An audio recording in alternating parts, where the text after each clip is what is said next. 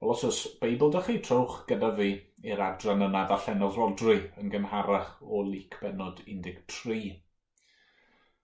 A mae rhywbeth yn ni gyd sydd yn ddigon naturiol eisiau bod yn saff, yn eisiau bod yn ddiogel. E, mae gen ni cloion ar ddrws ein tai ni. I ni'n rhoi gregus ymlaen pan ni'n teithio yn y car. I ni'n gosod larwm, tan, e, i gadw'n cartrefi ni yn ddiogel i ni yn gwisgo sbectol diogelwch neu menig pan ni'n gwneud pethau peryglus a gallwn ni roi pob math o esiample eraill wrth gwrs. A hyd yn oed, os ych chi fel fi yn mwynhau wneud pethau fel mynd ar roller coasters neu uh, neidio allan o wyren neu gwneud bungee jump, chi dal eisiau gwybod bod chi wir yn saff. Uh, bod y breaks mynd i ddod mlaen ar yr adeg cywir bod y parachute mynd i agor pan mae e fod i, bod y bungee yn mynd i ddal eich pwysau chi. Nawr, yn yr wythnos diwethaf yma, ni wedi gweld rhywbeth o'r dyheuad yma i aros yn saff. Ni wedi gweld pobl yn aros yn eu cartrefi, yn cyfyngu eu hunain i'w tai, yn rhoi lan rhywfaint o'i rhyddid nhw. Pam?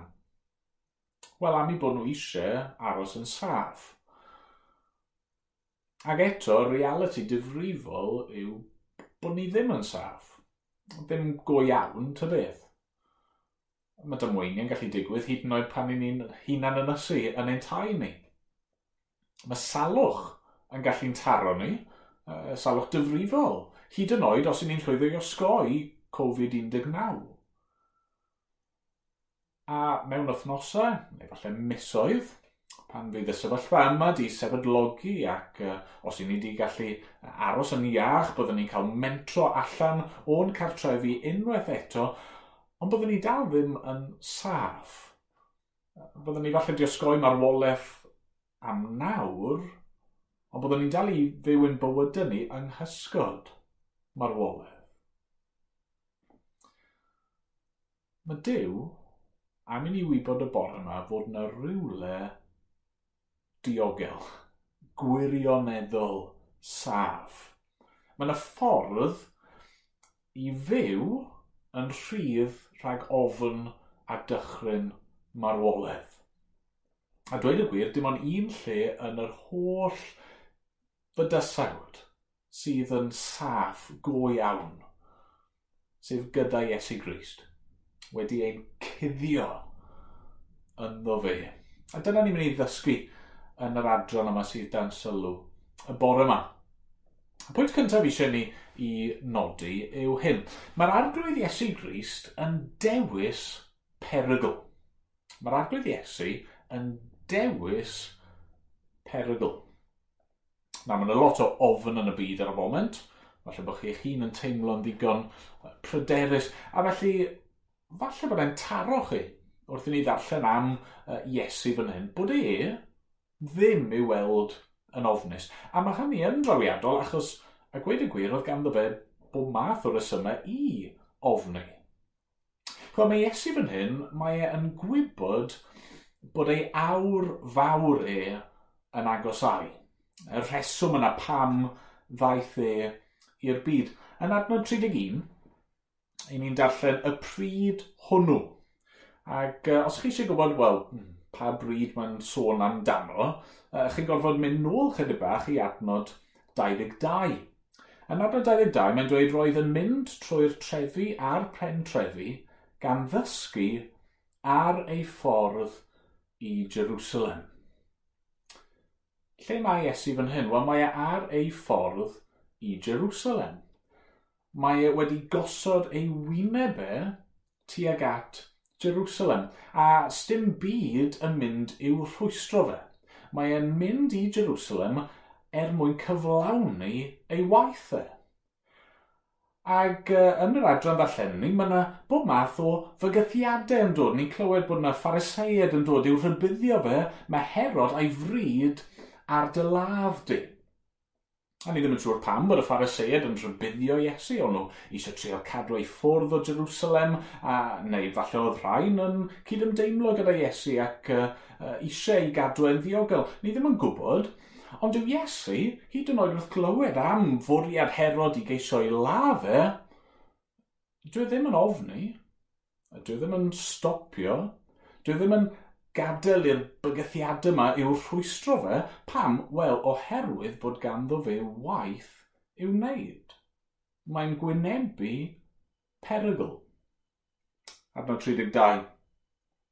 Mae fe ef wrthynt ewch, dwedwch wrth y cadno hwnnw, heddiw ac yfori, byddaf yn bwrw allan gythreiliaid ac yn iachau, a'r trydydd dydd cyrheiddaf gyflawniad fy ngwaith. Eto, heddiw ac yfori a threnydd, mae'n rhaid i mi fynd ar fy nhaith. Mae Iesu'n dweud, mae gen i waith i'w gyflawni, a stym ots fi beth yw'r perygl i fi mynd i'w orffen e. Ni wedi clywed lot o sôn yn dyn ni yn y newyddion am, am weithwyr allweddol, y key workers yma. Pobl dewr sydd yn parhau yn eu gwaith nhw a oherwydd bod eu gwaith nhw'n cael ei weld fel rhywbeth hanfodol, rhywbeth sydd yn gorfod cael i gyflawni ac i ni'n ni, ni ddiolchgar am y bobl hynny. A mae yna edmygedd yn does, ni'n edmygu eu parodrwydd nhw, bod nhw'n yn cario mlaen i wasanaethu er bod nhw'n gwynebu perygl. Och chi'n gwybod, mae hyd yn oed y gweithwyr yna yn cymryd pob gofal posib i gadw'n saff, maen nhw'n gwynebu'r perygl, ond dyn nhw ddim eisiau uh, dod i newid, dyn nhw ddim eisiau marw. Ond mae Iesu fan hyn yn dweud rhywbeth rhyfedd, yn dydi? Be mae Iesu'n dweud mewn ffordd mae fe yw y gweithiwr allweddol. Mae e yw'r un sydd wedi dod i gyflawni y, y gwaith hanfodol yna dros neb arall yn gallu ei wneud. A rhan o'r gwaith mae wedi dod i'w wneud yw nid jyst i, i fod mewn perl, nid jyst i sefyll lan a, a, yn erbyn drygioni y byd yma, ond mae e wedi dod i farw. Dyna pam mae'n mynd i Jerusalem, nid jyst i ddysgu, nid jyst fel rhyw esiampl dda i'w ddilyn, mae'n gwybod be sydd yn disgwyl iddo fe arfer yn y daith yw bod e'n mynd i farw. Mae'n dweud ni ddichon i broffwyd farw tu allan i Jerusalem. Mae'r arglwydd Iesu Grist wedi dod i wynebu perygl. A mae hynny'n beth od, oherwydd doedd dim angen iddo fe wneud. Doedd Iesu ddim yn gorfod gwynebu perygl, doedd e ddim yn gorfod gwynebu um, barn, doedd e ddim yn gorfod gwynebu marwolaeth a ffoen a, a dioddefaint. Fe nath e ddewis gwneud hynny. I ni, yn mynd trwy'n bywyd, ni'n ni trial osgoi poen, ni'n trial osgoi marwolaeth. Falle bore yma bod y syniad o farw wirioneddol yn codi braw arnoch chi. Chi'n chi petrified wrth feddwl am fynd yn sal a gwanhau a marw. A mae yna rhywbeth cywir wrth feddwl fel yna. Os nag ych chi yn iawn gyda Dyw, os nag yw eich, eich pechod chi, eich gwrthryfel chi yn erbyn Dyw wedi ei ddelio gyda, wel chi'n iawn i ofni marwolaeth oherwydd mae'r Beibl yn dweud yn gyntaf mae'n y farwolaeth ac yna ni'n gwynebu barn. Ond mae Iesu, fan hyn, er bod e yn berffaith ac yn ddi bechod, mae e wedi dod i wynebu perygl, i wynebu marwolaeth. Pam? Wel, mae hyn yn dod yn ni at yr ail beth i fi eisiau ni nodi. Sef fod yr arglwydd Iesu Grist i dod i'n hamddiffyn ni mae wedi dod i wynebu perygl, pam? Wel, er mwyn ein amddiffyn ni. Wrth iddo fe weld pen y daith yn dod, a sôn am farw yn Jerusalem, mae Iesu'n dechrau galaru. Jerusalem. Jerusalem. Tydi sy'n lladd y proffwydi, ac yn llybyddio rhai a anfonwyd atat, mor aml y dymunais gasglu dy blant ynghyd, fel mae iar yn casglu ei chywion dan ei hadenydd. Dyma un o'r dadluniau mwyaf hyfryd o'r arglwydd Iesu. Mae e fel iar sydd eisiau casglu ei chiwion dan i adenydd. Nawr, peidiwch cam ddeall, dyw Iesu ddim yn wimp. Dyw e ddim yn domat. Dyw e ddim yn, yn wan ac yn ddinef fel yna. Na, mae Iesu yn cael ei bortreadu mewn manna eraill fel llew, fel rhyfelwr. Na, mae Iesu'n dewis dod yn wan, mae'n dewis ffordd dioddefaint a dewis y mostwng ei hunan Ond mae Iesu yn neffo, mae e yn rymus. Ond fan hyn mae e'n dewis dynyddio dadlun mamol. Mae e eisiau casglu pobl Jerusalem. Mae eisiau casglu'r Israeliad, mae eisiau casglu y bobl yma mae Dyw wedi ei dewis a'i caru a di anfon y proffwydi dro ar ôl tro i'w rhybuddio nhw. Mae eisiau eu casglu nhw ato fe fel iar yn casglu chywion. Mae eisiau i gwarchod nhw. Mae eisiau i hamddiffyn nhw. Mae eisiau iddyn nhw ddod yn eu ofn nhw a'u pryder nhw a mae eisiau, eisiau eu tawelu nhw. Mae eisiau tri nhw'n yn dyner ac yn ofalus. A chi'n gweld, mae Iesu fan mae'n gwneud rhywbeth trawiadol. Falle byddwch chi a fi ddim yn gweld hyn yn syth, ond bydde darllenwyr cyntaf a gwrandawyr cyntaf Iesu fan hyn yn, yn deall beth oedd Iesu'n ei olygu, oherwydd mae Iesu yn cyfeirio uh, at rhywbeth yn Salm 91. Os oes Beibl ydych chi trowch, gobeithio bydd y geiriau lan ar y sgrin nawr. Salm 91, mae'r sawl sy'n byw yn lloches y goruchaf ac yn aros yng nghysgod yr holl alluog yn dweud wrth yr arglwydd – fy noddfa am cair. fy new yr un yr ymddiriedaf ynddo. Oherwydd bydd ef yn dywaredu o fagl heliwr, ac oddi wrth blad i fawl, bydd yn cysgodi drosot a'i esgyll, a chei nodded dan ei adenydd.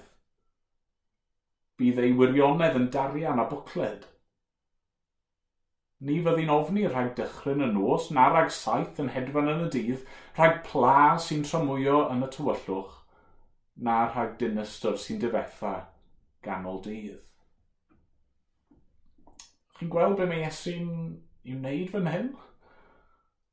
Mae'n dweud fod e wedi dod i gyflawni yr hyn oedd Dyw wedi addo i wneud i'w bobl e fe ddod Dew wedi afo gwneud i'r rhai sy'n ymddiried ynddo fe.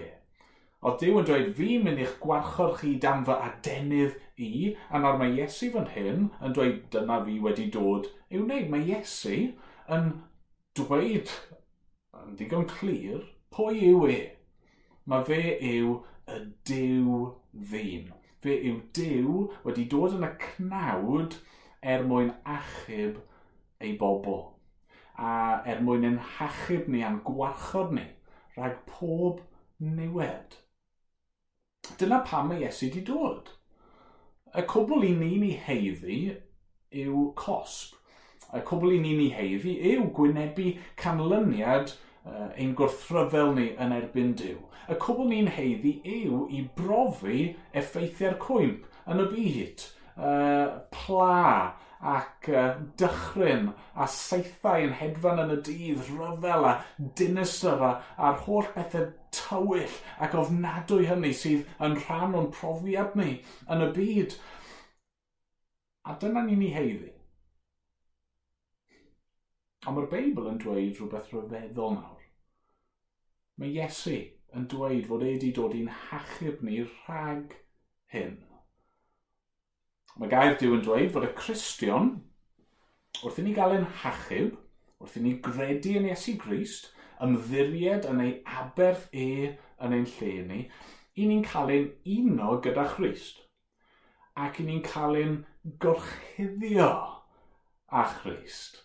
E, I ni'n gwisgo ei berffeithrwydd e, ei gyfiawnder e amdano ni. A felly pam y Dyw y Tad yn edrych nawr ar y Cristion, be mae'n ei weld yw Christ. Uh, e, fel iar uh, e, yn, yn gorchuddio ei chiwion a'i adenydd rhag pob uh, dinistyr. Mae Christ a'i fywyd perffaith e yn gorchuddio y rai sy'n credu ynddo fe. Mae di dod er mwyn ennill maddeiant i ni trwy gymryd ein cosb ni arno fe. Mae di dod i ennill bywyd tragwyddol i ni trwy farw drosto ni. Mae'n darlun hyfryd. Ac eto, mae'n rhaid i ni gofio fod e yn darlun digon uh, pwerus. Uh, mae'n ma beth peryglus i ddod rhwng mam a'i phlant. Chi'n clywed weithiau yn chi a straeon o mam, mamau sydd yn cyflawni rhywbeth ryfeddol o nerthol pan maen nhw'n gweld eu plant nhw mewn perygl. A mae Iesu fan hyn wrth siarad am ei bobl e, mae'n dweud, o, oh, byddwn ni'n gwneud unrhyw beth drostoch chi. Bydde Iesu'n gwneud unrhyw beth drostoch chi. Mae e wedi gwneud popeth drostoch chi er mwyn eich achub chi. Dyna faint mae'n eich caru chi. Ond mae hwnna'n dod ni at ein trydydd pwynt ni, y bore yma. Y trydydd peth i fi eisiau ni nodi o'r testyn yma. Mae'r arglwydd Iesu Grist yn ein galw ni ato fe. Mae'n ein galw ni ato fe. Ond ydyn ni'n mynd i rando, ydyn ni'n mynd i ymateb. Wel, mae yna nodyn sobr iawn fan hyn, ond does, mae Iesu wedi dod i wynebu perygl, perygl y, y byd, mae wedi dod er mwyn gwynebu y groes. Mae wedi dod er mwyn marw dros ei bobl er mwyn cynnig maddeiant a bywyd i bawb sy'n credu ynddo fe. Ond fan hyn, mae'n galaru.